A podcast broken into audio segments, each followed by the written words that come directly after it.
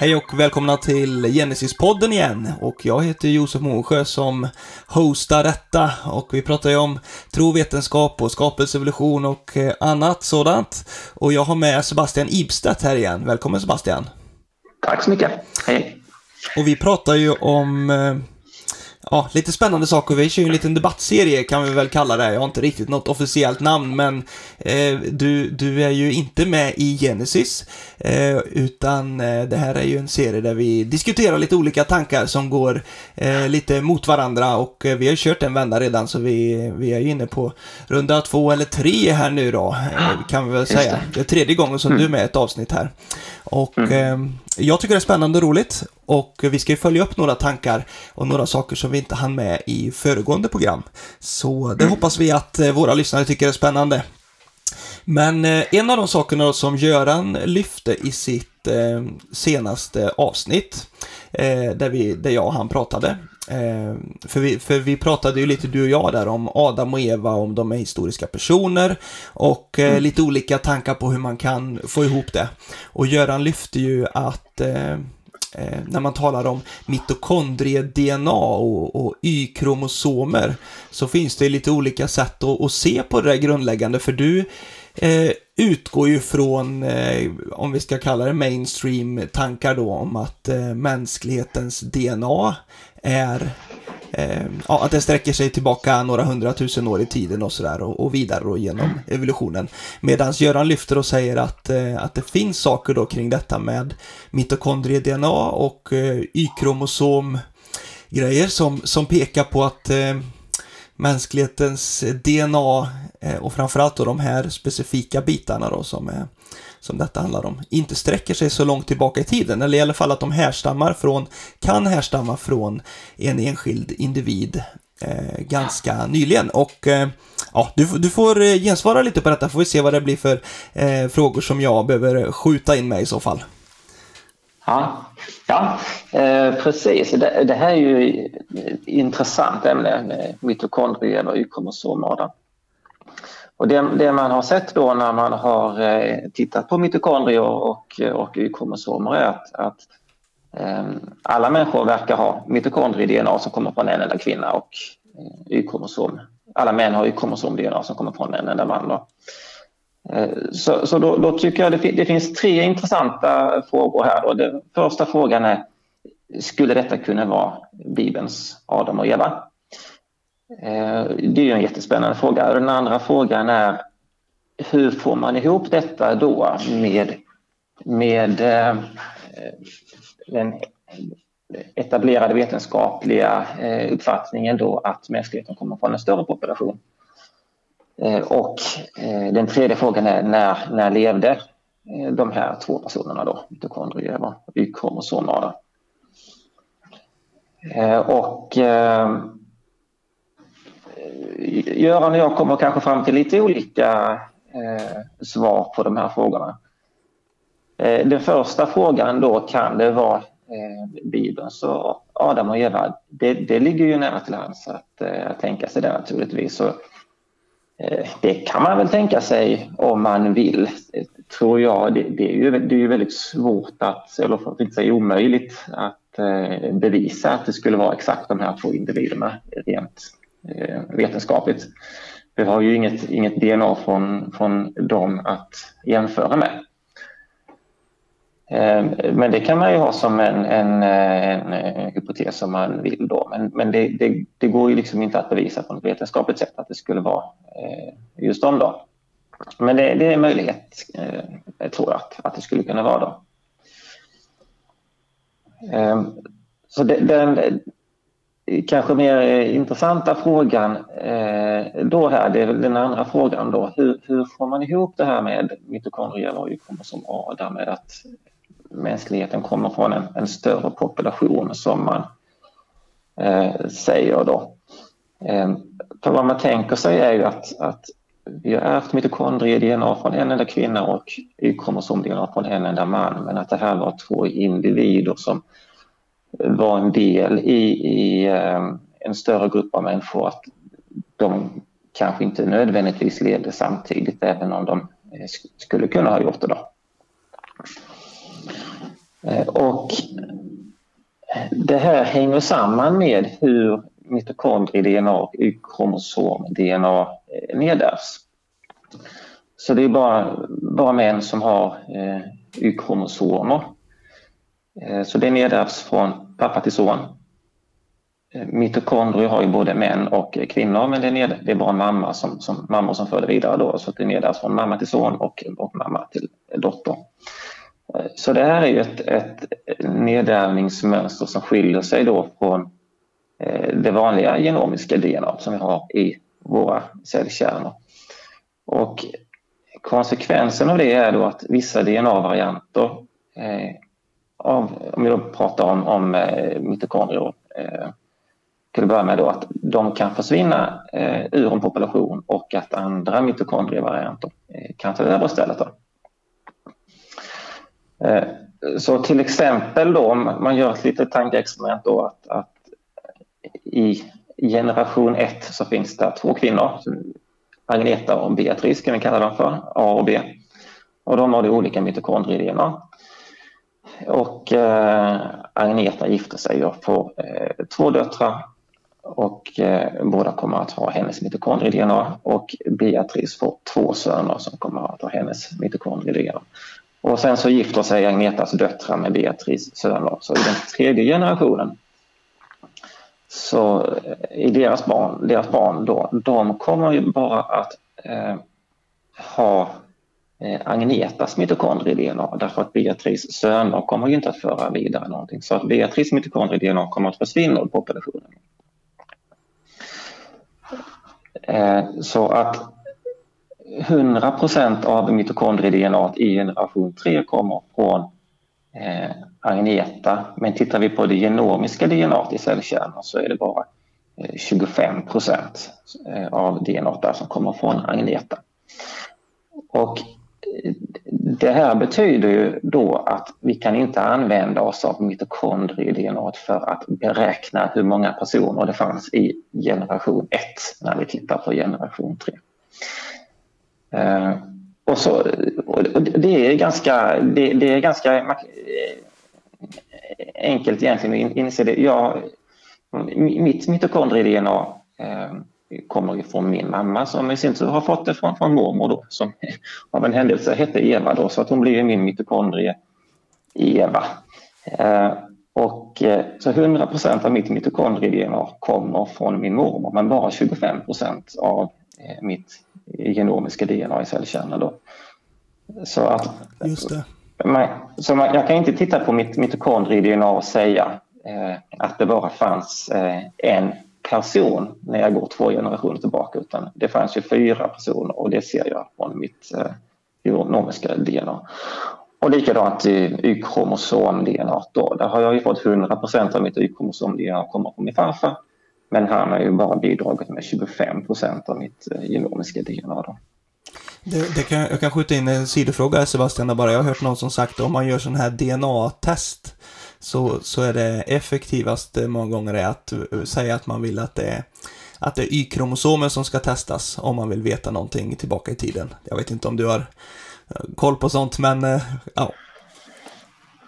Ja, det, Prova på, alltså du tänker på om man ska kolla släktskap då? Ja, precis. Om man ska få reda ja. på någonting tillbaka i tiden så blir det väl väldigt, ja. det blir väldigt uppblandat direkt så det är väl svårt att säga någonting på andra ja. DNA-bitar kanske, om det är det som är grejen. Ja, ja. Eh, jag vet inte om man använder Y-kromosomer, men det kanske man gör och det hänger kanske i så fall samman med att det inte är så mycket homolog rekombination eh, mellan X och Y. Där förekommer lite grann men om de andra kromosomerna har vi ju eh, dubbla kopior och eh, där skiftar ju DNA mellan de två kopiorna innan. Just det, det blandas upp där då ja. Det blandas upp mer ja. Ja, ja, det var bara sidospår. Men, men, vi, men vi fortsätter. Just, just det här som Göran talar om där, om jag eh, skjuter in en annan fråga, är ju att att vad, vad han nämner då är ju att när man beräknar då liksom hur länge sedan eh, mitokondrie-Eva levde till exempel, så, så jämför man ju det då mot eh, hur lång tid man menar att det var sedan eh, liksom, vi skildes åt från schimpanser. Och då får ja. man väl en tidsskala på ett par hundratusen år sedan eller något sånt där. Eh, medans om man tittar på mutationshastigheter, om man jämför då mellan eh, mor och dotter och mormor då och kollar på hur, hur stor mutationshastigheten faktiskt är i mitokondrierna. Eh, så menar Göran där att då får man en mycket lägre eh, liksom, tidpunkt som Eh, mitokondrie Eva levde. Och det är ju en intressant tanke. Jag vet inte vad du responderar på just den eh, saken. Ja. Ja, det, det, Göran har ju helt, helt rätt i det. det. Och det är väldigt intressant att det blir så. Eh, jag vill tillägga då att jag, Göran är ju naturligtvis också medveten om det som jag sa nyss då, att man inte kan använda mitokondrier och kromosom-DNA för att, att uttala sig om hur stor folk Eh, mängden var då tillbaka till. Så att, och det, det, det, tror jag inte han gör heller. Alltså. Eh, jag vill inte beskylla honom för det. Va? Eh, men, men det är helt rätt också att ehm, man kan göra de här dateringarna på, på olika sätt, då, räkna på lite olika sätt. Och när man började göra de här beräkningarna Eh, så, så gjorde man så att man, man tittade på, eh, man sekvenserade människans mitokondrie-DNA och schimpansens mitokondrie-DNA. Så såg man hur stor skillnad är det där och med hjälp av fossil Eh, så, så sa man att de, de släktlinjerna delade sig för se så länge sedan och då har, har DNA haft eh, så här lång tid på sig att eh, skilja sig åt. Utifrån det så bör vi förvänta oss den här, att, har vi den här mutationshastigheten eh, och eh, utifrån den variation som finns eh, i mitokondrie-DNA hos människor med den här mutationshastigheten så måste mitokondrier ha levt för 150 till 250 000 år sedan. Så man har räknat lite framåt och bakåt eh, sådär då. Va?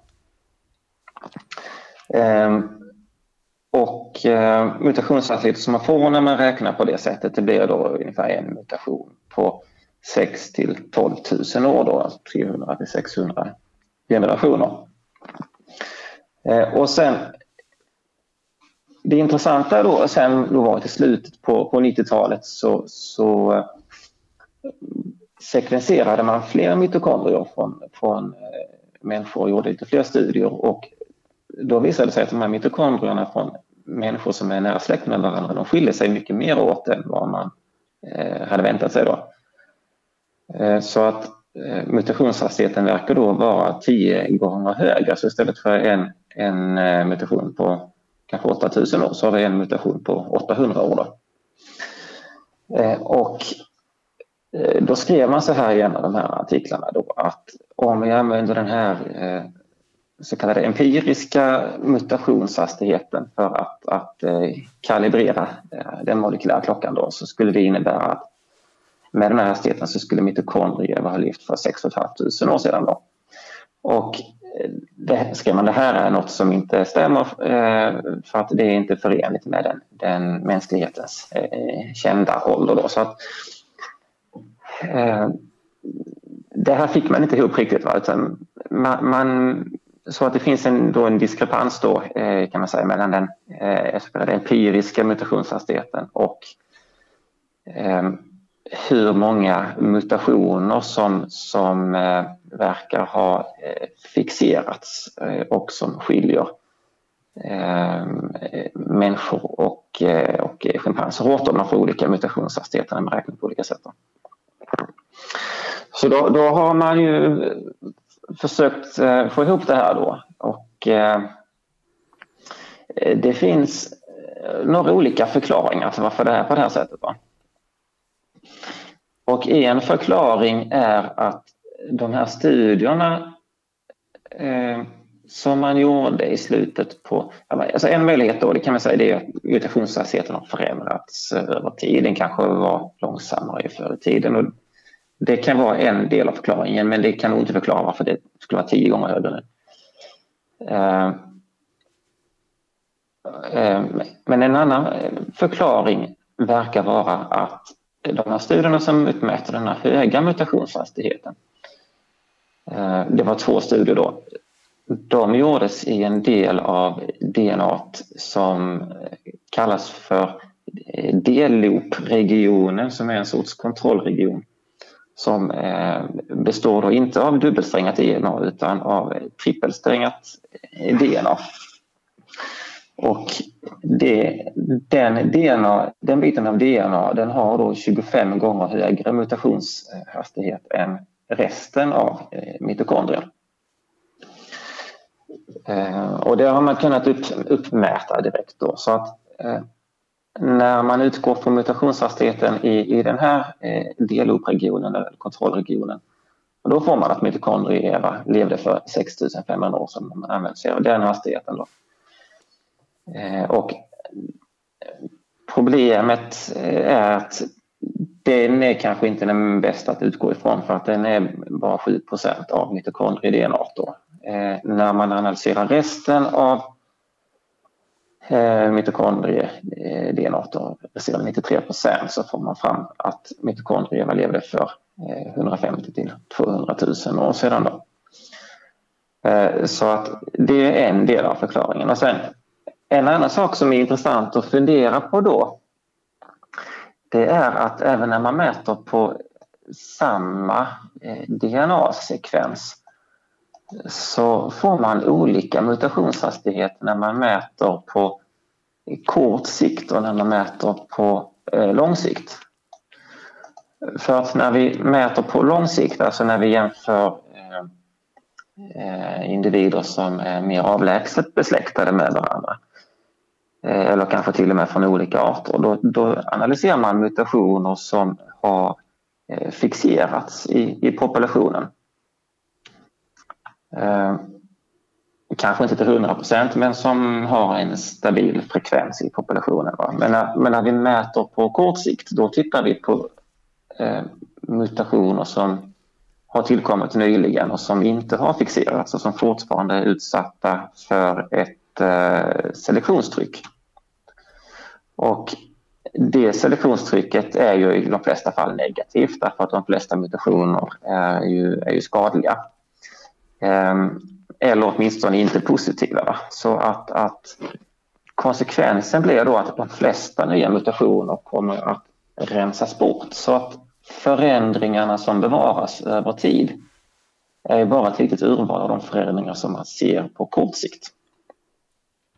Och det betyder att hastigheten som mutationer fixeras med blir mycket lägre än den omedelbara uppmätta mutationshastigheten från, från generation till eh, generation. Då. Så det, det är lite intressant. Då. Men det, men det kräver ganska mycket av det naturliga urvalet då, eller vad ska man säga? Då, då krävs det att det naturliga urvalet verkligen har förmågan att rensa bort eh, ganska mycket material då som, som eh, kommer in där, eller vad vi ska säga. Ja, precis. Och, och det, det, där är ju förstås en diskussion som finns eh, då också. Hur eh, effektivt är det naturliga urvalet på att, att eh, rensa bort mutationer eh, naturligtvis. Men åtminstone eh, de som är till, till tydlig skada för organismen, de kommer ju att eh, rensas bort så att det kommer vara färre som eh, mutationer som bevaras än som eh, uppstår. Det kan man ju säga. Eh, säkert i alla fall. Just det. Mm. Eh, så eh, de flesta som, som eh, forskar om det här då, de menar ju att, att mitokondrier levde någonstans för 150 till 200 000 år sedan. Och det stämmer ju dels med eh, eh helgenomanalys, alltså sekvensering av, av eh, det genomiska kärn-DNA. Men sen så är det ju också förenligt då med eh, de två modellerna av Adam och Eva som, som jag tar upp i, i eh, kapitlet i, i den här antologin. Då. Eh, och som vi kanske kommer återkomma till här. Precis, vi ska ju dyka in i det snart här med. Men en fråga till jag tänker bara på när du nämner här innan att, att det kan ha liksom skett en, en förändring i, eh, i mutationshastighet då, liksom tillbaka i tiden. Är det, mm. är det en rimlig tanke? För annars tänker jag så här att man, när man pratar eh, radioaktiva dateringsmetoder och sånt där, och det är ju en helt annan grej då, men då anklagas ju gärna ett sånt sammanhang som vi, Genesis då, att vi liksom ser det som möjligt att, att det skulle handla om andra hastigheter och sånt där och att det skulle vara väldigt eh, konstig tanke. Men här, i mina öron, och jag vet inte om det finns eh, tydliga anledningar här då, men, men det låter ju som att man kör samma grej fast på ett annat område här då. Att nej, men förr i tiden kanske det var en annan hastighet. Ja, eh, jag vet inte om det är samma sak. Alltså, radioaktiva dateringsmetoder har ju att göra med eh, processer inne i cellkärnan och de är ju rätt så skyddade av ett elektronhölje.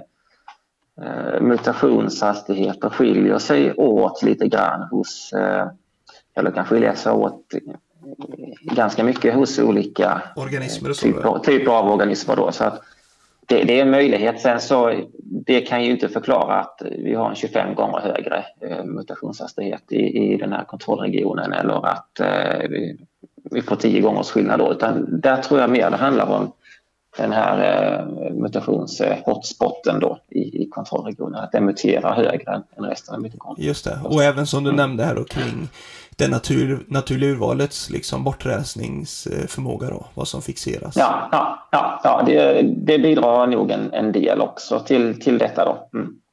Just det. Mm. Ja, ska vi ta hoppa vidare då, Sebastian? Ja. Eh, det andra då som vi ska prata om, för vi är inne lite på Adam och Eva här nu då. Och vi får se mm. vad Göran vill säga kring den här första biten sen då. Ja. Men eh, eh, det som du lyfte och det du lyfte i, i boken och eh, i eh, föregående avsnitt också där då var just detta tanken på någonting som kallas eh, genealogiska Adam och Eva.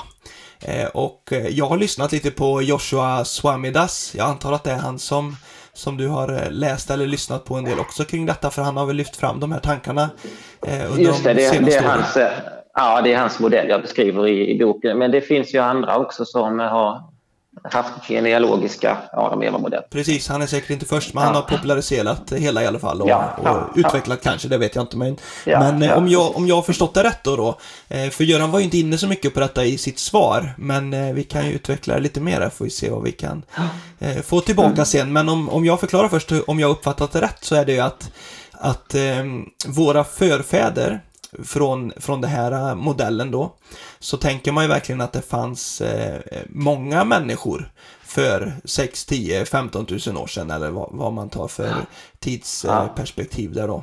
Men att eh, eh, man skulle även kunna följa specifika släktlinjer då som gör att, att alla människor nu levande på jorden eh, om man backar 10 000 år så kan man liksom gå tillbaka till en person som alla är släkt med. Alla har den personen som mm. förfader, mm. men inte som den mm. enda förfadern. Utan, Nej, utan det finns ju många förfäder liksom eh, vid, det, ja. vid den tiden. Ja. Och eh, det är själva grundgrejen va, i den här eh, modellen. Ja, kan man ju säga. Eller, eller, finns det andra saker här som du tänker är viktigt att förtydliga vad det innebär? Eh, nej, nej, det kan man säga. Jag, jag vill eh, väl inflika då att det, det här inte eh, den enda eh, möjliga, alltså biologiskt möjliga modellen, utan det finns andra också. Utan, och jag, jag, är inte säker på att jag, jag eh, tror på den här modellen, va? men jag tror det är en modell som eh, fungerar vetenskapligt så att det, den är värd att, att funderas över. Om det skulle kunna vara på det sättet. Just det, och det som blir fördelen mm. med den här var ur ett eh, eh, teistiskt evolutionistiskt perspektiv då är väl att man får Adam och Eva eh, liksom i, i närtid. För, för andra modeller eh, innebär väl att Adam och Eva skulle ha levt för flera hundratusen år sedan. Medan detta gör att de skulle kunna ha levt för under 10 000 år sedan till exempel då. Ja, men det har inte så mycket egentligen med, med eh, evolution att göra utan det här verkar vara den enda modellen som eh, stämmer med, med genetiken och som är förenlig med, med naturvetenskapen där man bevarar eh, Adam och Eva som eh, historiska personer som levde för ett par tusen år sedan och som är förfäder till hela, hela mänskligheten. Precis, för om man slänger in lite andra namn då så en sån som William Lane Craig, han är också amerikan precis som Swamidas där. Han, ja, han förespråkar väl att Adam och Eva skulle ha levt, levt för kanske 500 000 år sedan eller 700 000 år sedan eller vad det kan vara. Ja, ja. Uh, precis, och det, det, är ju den alternativa uh, modellen. Då. Bakgrunden här då uh, till att man har det är så många som har börjat intressera sig för Adam och Eva här de, de senaste åren. Det har ju att göra med att Ehm, man, man har gjort ehm, beräkningar eh, på ehm, den mänskliga genetiska eh, diversiteten då, eller divergensen kanske är mer eh, korrekt då. Och man har sett då när man har sekvenserat stora mängder av mänskligt DNA då att det finns ganska mycket genetisk variation då i mänskligheten. Och eh, då kan man räkna på eh, hur många mutationer krävs för att ge upphov till den här mänskliga eh, genetiska variationen. Då. Eh, för att överbrygga detta. Då, och, eh, och då är det ju så att ju mer olika, eh, olika alleler, alltså genvarianter är, desto längre tid tar det naturligtvis då för variationen att, att uppkomma. Och frågan man har ställt sig är då om vi tänker att alla människor kommer från två individer med maximal eh, genetisk variation. Hur lång tid skulle det ta för den observerade genetiska variationen att uppkomma med, eh, med den mutationshastighet som vi har idag? Då? Eh, så om vi tänker att, att eh, Adam och Eva är, är eh, förfäder till hela mänskligheten och att de var heterozygota så att det fanns fyra alleler så blir frågan hur lång tid tar det för fyra alleler att ge upphov till alla alleler som finns idag i, i den samlade mänskliga genetiska variationen och så kan man eh, med mutationshastigheten så kan man göra den här typen av analyser för, för alla gener. Då. Eh, och eh, beroende på vilka gener som man eh, räknar på då, för att de skiljer sig olika mycket, så, så hamnar man någonstans kring 400 till eh, 700 000 år. Eh, och det är ju då bland annat Swam, Joshua Swamidas och, som har gjort de här och även, även några andra eh, kristna genetiker då som, som eh, räknat på detta som har intresserat sig för det. Och då, då finns det ju två, eh, två modeller här då, eh, som du säger. Eh, den ena modellen är att Adam och Eva levde för 500 000 år sedan någonstans där och då är det eh, möjligt att de eh, skulle kunna vara unika förfäder till alla människor. Eh, och att, att mänskligheten inte har, har fått eh, DNA från några andra individer förutom de två. Då. Och då behöver man inte bekymra sig för om det finns människor utanför lustgården. Eh, det finns liksom ingenting i biologin som talar emot att Adam och Eva skulle vara unika mänskliga förfäder. En del invänder här då att man har räknat på, på effektiv populationsstorlek, att mänskligheten aldrig har varit mindre än färre än 10 000 individer då. Men de beräkningarna handlar om eh, den genomsnittliga populationsstorleken eh, över tid. De, de säger ingenting om ifall det har skett en eh, snabb flaskhals eh, ner till två individer och sen eh, att det har ökat snabbt igen. Då. Så det, det, är en möjlighet. Då. Och sen finns det då andra eh, som har gjort om de här beräkningarna, till exempel eh, min gode vän Ola Höffer då, bland annat som har räknat på detta och kommer fram till, till eh, ungefär samma siffror då. Att två individer som är heterozygota kan ha levt för 500 000 år sedan eller om de är homozygota för, för två miljoner år sedan. Då. Och så kan man göra vissa antaganden att mutationshastigheterna var högre förr och då kanske man kan krympa ner till 200 000 då någonstans. Då. Men, men någonstans i den storleksordningen.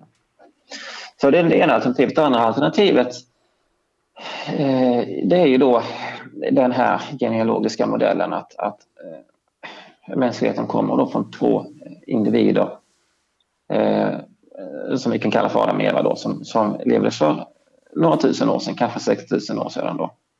Och som är förfäder till alla människor idag. Men att det också fanns andra människor samtidigt som har eh, bidragit till den genetiska eh, variationen.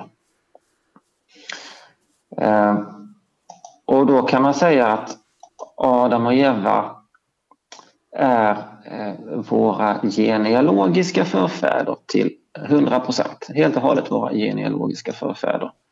Men de är inte våra genetiska förfäder till 100 procent. Utan det genetiska bidraget kommer då från eh, fler eh, människor som var samtida med, med Adam och Eva. Då.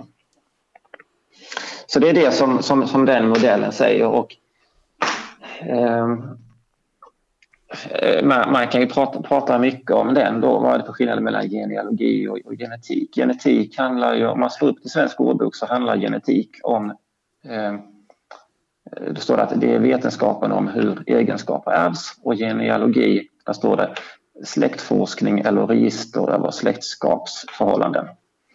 Det är genealogi och då, då argumenterar jag för i kapitlet att Bibelns författare är intresserade av genealogier, av släktskapsförhållanden, inte av gener, inte av, av hur egenskaper ärvs ner. Då. Eh, och eh, med, med den här modellen så är, Eh, kan Adam och Eva vara 100% eh, genealogiska förfäder för att det stämmer med Bibeln. Eh, de är inte våra enda genealogiska förfäder men de är det till 100% tillsammans med andra individer som är samtida. Men de är inte våra genetiska förfäder till 100% Och ja, som, som med den modellen så får man ihop eh, då, eh, att Adam och Eva kan ha levt nyligen och eh, man får ihop det då med den här, de här genetiska analyserna. En fråga på detta då som, och det har jag inte koll på riktigt då, men eh, det finns inget sätt liksom genetiskt att kolla va, om, om, det, om man är genealogisk förfäder, eller hur? Utan, utan det är en datasimulering typ liksom på hur snabbt det skulle gå att, eh, att ehm, ja, tillbaka i tiden hur långt det behöver gå innan, innan en person är allas eh, förfader? Ja, eh, man kan väl säga så, nej, alltså det finns inget eh, säkert sätt. Alltså, eh, tittar man ganska nyligen då, va, så, så klart att då kan man ju se om man är genetisk släkt. Men går man för varje generation som man går bakåt så minskar ju det genetiska släktskapet med eh, 50 procent. Jag är bara 50 procent genetiskt släkt med min mamma och 25 procent genetiskt släkt med min mormor och 12,5 procent genetiskt släkt med generationen innan dess. Men jag har fortfarande 100 procent genealogisk eh, släkt med alla generationer bakåt. Så att går vi tillräckligt långt tillbaka i tiden så kommer jag att ha eh, förfäder, alltså genealogiska förfäder som kanske bara har bidragit med någon bråkdel av min eh, genetik och en del kommer till och med att, att inte ha bidragit med några, någon genetik alls därför att det blir så pass utspätt när vi går tillräckligt långt tillbaka i tiden. Och räknar man att man på det så blir det någonstans kanske 15 generationer bakåt eller någonting sånt när, när eh, personer försvinner helt från genetiska släktträd. Just det, om man, om man tar ett exempel då så här, jag tänker på eh, Australien till exempel då, är ju ett, ja. ett ytterlighetsexempel då. Eh, med ja. aboriginer där som är eh, urbefolkning och man tänker väl sig att de har levt där i kanske 50 000 år eller något sånt där. Eh, ja. Och om Adam och Eva då eh, skulle ha levt i, i Mellanöstern för 6 till 10, 10 000 år sedan i den storleksordningen. Eh, ja. är, är det liksom är det verkligen självklart att, att de skulle liksom spridas deras ättlingar eh, hela vägen dit? Om man tänker lite öar och sånt där också som är väldigt liksom avstängda och, och sånt där. Nej, det, det, är ju ingenting som är självklart med detta, men, men man kan inte heller säga att det, det är omöjligt. Alltså vad som, vad som är självklart, om man, om man nu bortser då från eh, geografiska barriärer för att det är klart att, att eh, då blir det lite mer komplicerat att göra modeller på det. Men om man tänker sig eh, att, att eh, det inte finns några geografiska hinder då så Eh, är det ju så att, att genealogiskt släktskap eh, sprids ganska snabbt om man tänker sig eh, eh att två individer som lever i en population kan inom bara ett par generationer vara för genealogiska förfäder till alla människor i populationen.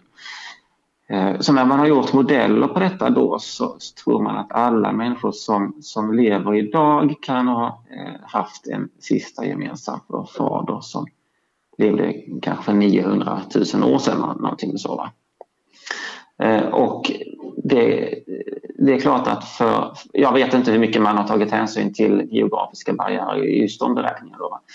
Men om man tänker sig att mänskligheten för, för eh, 6-7 tusen år sedan var mycket mindre än vad den är idag så skulle det gå ganska snabbt för Adam och Eva att bli genealogiska förfäder till, till hela mänskligheten och inom ett par generationer. Men, och sen men om, om här... människor har levt på, liksom på Australien i 50 000 år, då är ju en mindre population måste ju nästan vara ett större problem, eller för då det, eller det, det beror ju på hur tätt folk bor då, men det måste ju kunna finnas mer geografiska begränsningar då, liksom där folk inte rör sig emellan för att det är så stora geografiska avstånd. Ja, precis. Eh, och det är klart att det, det försvårar ju då eh, genealogiskt släktskap när det är stora geografiska eh, skillnader. Men, men jag, jag tror också det, det är lätt det här att man tänker genetik eh, när man egentligen ska tänka genealogi här. Därför att egentligen räcker det ju med att en enda migrant kommer fram till en isolerad population så är sannolikheten ganska stor att, att han eller hon då eh, blir genealogisk förfader till hela populationen inom ett par generationer. Eh, och det är inte säkert att det lämnas några genetiska spår efter. Eh, så i princip så är det ju omöjligt att, att, att eh, bevisa genom genetiska analyser då att en population har varit helt isolerad. För det är inte alls säkert att det, det syns. Så det, sagt, det kan räcka med att en enda person tar sig dit. Eh, så när man då tittar till exempel på, på hur, hur, hur eh, geografin såg ut då för, om man tänker för 10 000 år sedan. Så sedan dess eh, tror man att havsnivån i snitt har stigit med 130 meter de senaste 10 000 år sedan. Och det betyder ju då att eh, det är ganska stora landbryggor som har hamnat under vattnet. Så att för 10 000 år sedan så fanns det fler transportvägar till lands än vad det finns idag. Då. Så det kanske inte var så jättekomplicerat. Australien har väl aldrig suttit ihop med någon landbrygga. Eh, men om aborigin, då kan man tänka så här då, att om, om aboriginerna kom dit för 50 000 år sedan så, så måste de ha använt båtar eller eh, flotta. Så då kan man ju också tänka sig att en enstaka migrant skulle kunna ha tagit eh, sig dit efter det också. Men, men då blir min följdfråga på ett sånt resonemang så här att om, om du tänker att aboriginerna använde, använde båtar för 50 000 år sedan och Adam och mm. Eva skapades som Guds avbilder för 10 000 år sedan, då betyder det att de här människorna som levde för 50 000 år sedan, de kunde använda båtar men, men de var inte eh, människor skapta till Guds avbild då, eller? Ja, just det. Um det, det finns ju eh, teologer som menar att, att eh, det är på det sättet. Eh, jag tror att för det blir ändå en diskussion liksom kring vad är en människa liksom? Vad är det att vara en ja, människa skapad av Guds avbild? Ja, precis. Ja, precis.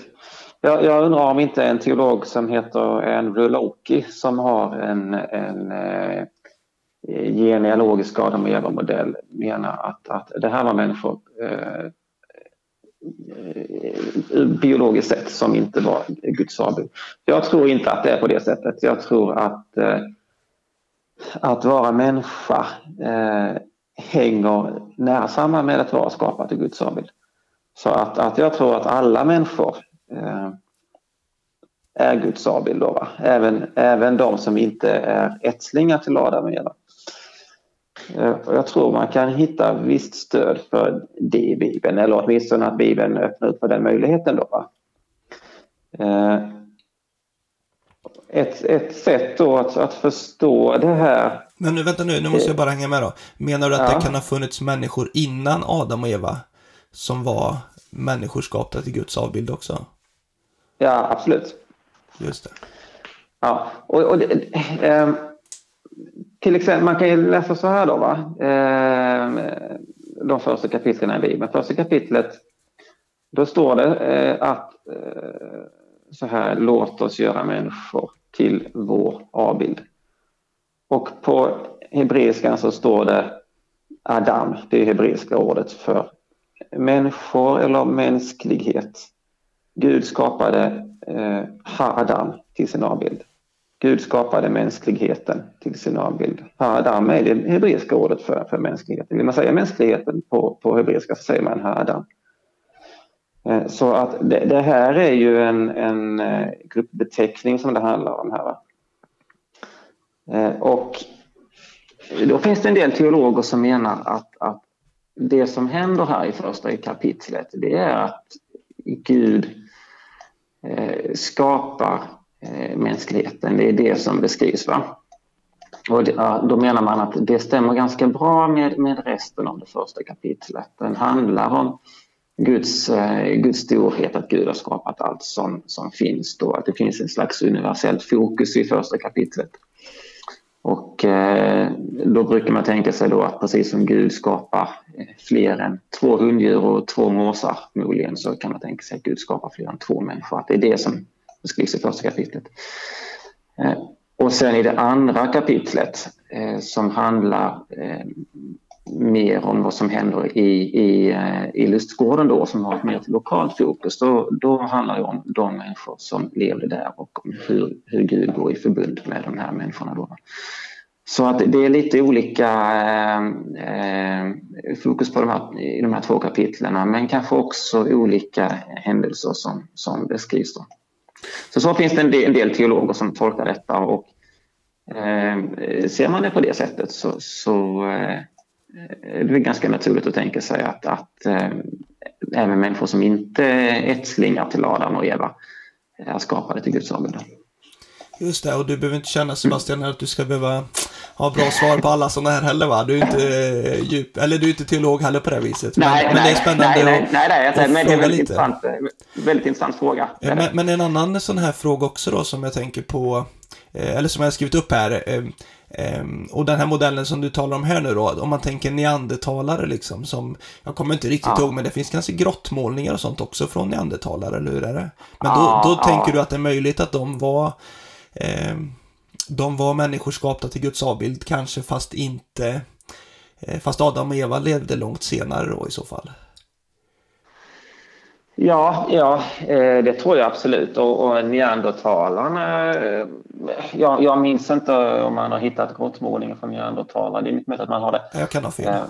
Men, men, men de verkar ju inte ha sett så speciellt annorlunda ut jämfört med moderna människor och de utse, skillnaderna utseende som man kan eh, se då. Det kan ju vara ett, ett, ett resultat av eh, att de levde i en mycket hårdare eh, miljö, de istiden och så vidare. Va? Eh, så, eh, man, man, man tror också att neandertalarna var eh, reproduktivt kompatibla så att säga då, va? med, med eh, anatomiskt moderna människor. Då, va? Eh, och det är ju en del av, av den här modellen, då, den genealogiska modellen, att om det fanns eh, personer utanför eh, Edens lustgård, vilket den här modellen säger, så var de rep eh, reproduktivt kompatibla med Adam och Evas barn och det, då måste de ju ha varit anatomiskt och funktionellt och kognitivt eh, väldigt snarlika. Så i allt väsentligt så var de förmodligen identiska med, med Adam och Eva. Och man kan ju också tänka sig då att, att eh, de hade någon sorts eh, uppfattning om, om Gud eh, som, som, som ja, C.S. Lewis eh, beskriver då om den här eh, längtan efter Gud som, som eh, verkar finnas nedlagd i oss eller som Thomas av Aquino kallade för den, den naturliga längtan efter Gud. Då. Men så det är en möjlighet. Men kanske var det så att de hade inte en, en, en relation med Gud. Då. De hade inte fått den här nära relationen med Gud. Så det som händer sen i, i, som beskrivs i det andra kapitlet det är då att Gud skapar Adam och Eva som eh, eh, representanter för mänskligheten och eh, för att föra mänskligheten in i en sån relation med Gud. Att de, de får någon slags eh, eh, konungslig eh, roll då att, att eh, representera mänskligheten inför Gud och en prästerlig roll att representera eh, Gud inför mänskligheten, eller tvärtom då. Och, och Gud går in i förbund med mänskligheten via Adam och Eva. Då. Så att det är ett sätt att se på det. Då. Men i en sån här modell då, om man tänker sig alla de här människorna sen tidigare där och de som levde utanför lustgården och så. Vad, ja, tänker ja. man att de var moraliskt ansvariga människor som liksom levde utan synd eller vad vi ska säga? För det är ju en, också en central bit i detta då, liksom, eller hur, hur ser man på det? Ja, just det. Eh, jag tror man kan tänka sig att, att eh, de, de hade en känsla för eh, moral.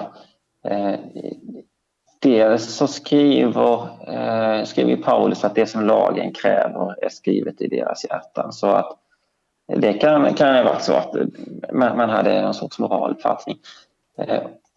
Och sen så eh, är det ju så att ett, skäl till att man kan tänka sig utifrån Bibeln då att det fanns andra människor, det har ju att göra med, med eh, Kain då. Va? Eh, att han eh, flyr från eh, sin familj till landet Nord och är eh, rädd för att det ska finnas människor som, som eh, ska döda honom då. Så att, att det verkar som att det kanske fanns människor då som hade någon sorts moralisk uppfattning. Då. Sen kan man tänka sig att det, kan, det kanske var syskon då eller så. Va? Men, men mm. eh, det, det, är en möjlighet modeller. i alla fall. Ja. Mm. ja, det finns olika modeller. Men, men eh, liksom, uh, mm. jag tänker när jag läser Paulus i Nya Testamentet och, och synd och död, liksom att döden verkligen kom in i och med synden där. I alla fall mänsklig död, liksom. Åtminstone det eh, ja. fysisk mänsklig död. Men alla de här människorna som levde innan Adam och Eva, eller tänker man att de var odödliga och sådär de är, eller liksom, eller? Um, de uh, var väl förmodligen inte odödliga. Uh, därför att uh, de levde ju utanför Edens lustgård. Och det betyder att de hade inte tillgång till livets träd. Det som händer när Adam och Eva syndar, det är att de körs ut ur lustgården och motiveringen till det är att om de skulle stanna kvar och äta av livets träd så skulle de leva för evigt. Så det antyder ju att om eh, Adam och Eva var odödliga så var de det därför att de åt av livets träd. Så när de slutade göra det, då hade de inte tillgång till den här odödligheten. Eh, så då, då tycker jag det är ganska naturligt att tänka sig att djur och eventuella människor som levde utanför lustgården ehm, var dödliga då eftersom de inte hade tillgång till livets träd. Men gör inte Paulus ganska tydligt att synd och död kom in i mänskligheten genom Adam och Evas synd. Ja, men precis. Eh, död, precis. Döden kom in i världen genom en enda människas liv. Men det kan man ju tänka sig att det har att göra med eh, just det här att mänskligheten förlorar tillgången till Eh, det eviga livet. Vi har inte längre eh, det här livets träd. Det förbundet som, som eh, Gud ingick med Adam och Eva, att mänskligheten skulle få leva i, i, i gemenskap med, med Gud. Det, det sjabblade ju de bort. Va? Så det som den för, men det som, det som den första Adam misslyckades med då, va? Det lyckades ju den andra, den sista Adam med. Men bara för att förtydliga, det har du redan sagt kanske, men de andra människorna hade inte tillgång till det i alla fall då? De som levde utanför lustgården? Nej, för det, det står ju inte att, det står ju ingenting om att Gud förändrar människans fysiologi så att de blir dödliga eh, när de äter av trädet.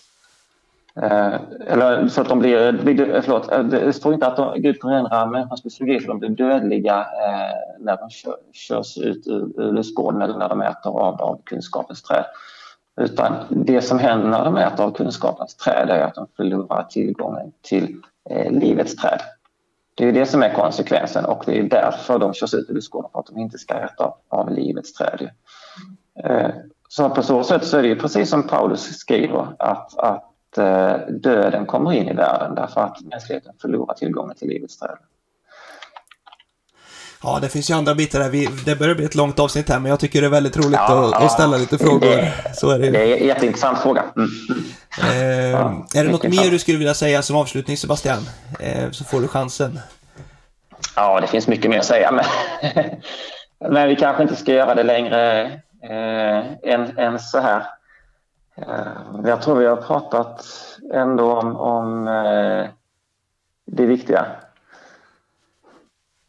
Precis. Eh, med, med, med Adam och Eva. Och, och alltså som sagt, det, det, här är ju, det här är ju olika eh, modeller då, så är det ju väldigt svårt att, att veta eh, vilken av dem som stämmer eh, och hur många Eh, och det har ju att göra med att den här genetiska datan är, är begränsad då. Men, men vad jag tror man kan säga säkert är att, att um, det måste ha varit uh, fler än enbart Adam och Eva som levde om man tänker sig att, att de levde för uh, mindre än någonstans ett par hundratusen år sedan. Då, då krävs det att det fanns fler människor.